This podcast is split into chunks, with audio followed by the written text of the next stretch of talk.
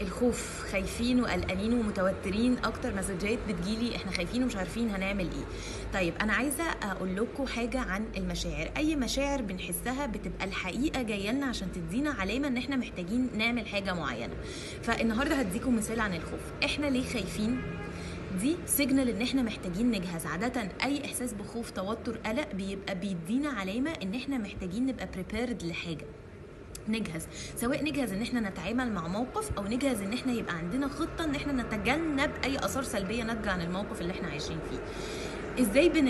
إزاي بنطبق ده بحاجتين؟ يا إما فكريا أو يا إما عمليا. فلو قلنا عمليا يبقى أنا محتاج إن أنا أحدد. والله لو الكورونا خلصت بكرة أنا هرجع شغلي إزاي؟ هعمل إيه؟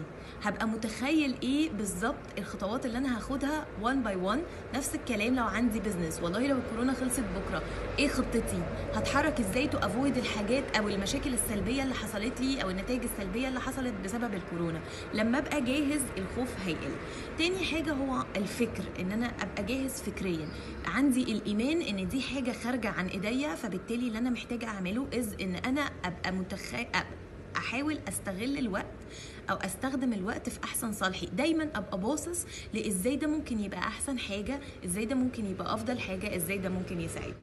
تاني نوع من الخوف هو إن أنا أبقى خايف إني أتحرك. يعني أنا دلوقتي عارف إن الدنيا هادية ومحدش بيعمل حاجة فأنا ممكن أشتغل على نفسي بحيث لما نبتدي نرجع تبقى قيمتي في السوق أعلى بكتير من الأول.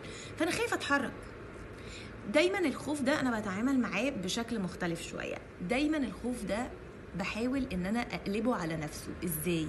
يعني بفكر لو أنا عدت الثلاث سنين وما عملتش أي حاجة في حياتي إحساسي إيه؟ خايفة جدا إن أنا ما أكونش حققت حاجة في حياتي وبالتالي برجع أقول لأ أنا خايفة من إن أنا ما أكونش حققت حاجة فيرسس خوفي من إن أنا آخد أول خطوة أكتر بكتير. أنا خايفة من إني ما أوصلش للي أنا عايزاه أكتر بكتير من خوفي إن أنا آخد أول خطوة أو إني أتحرك في اتجاه الحاجة اللي أنا عايزة أعملها. إزاي نتخلص من خوفنا عمليا؟ هو إن أنا أول حاجة جت ان ذا جيم ابتدي شوف أنت محتاج تعمل إيه عشان تتحرك تعلي من قيمتك سواء انت كشخص سواء انت كشركة. تاني حاجة ركز على اللي عندك ركز على اللي تقدر تتحكم فيه.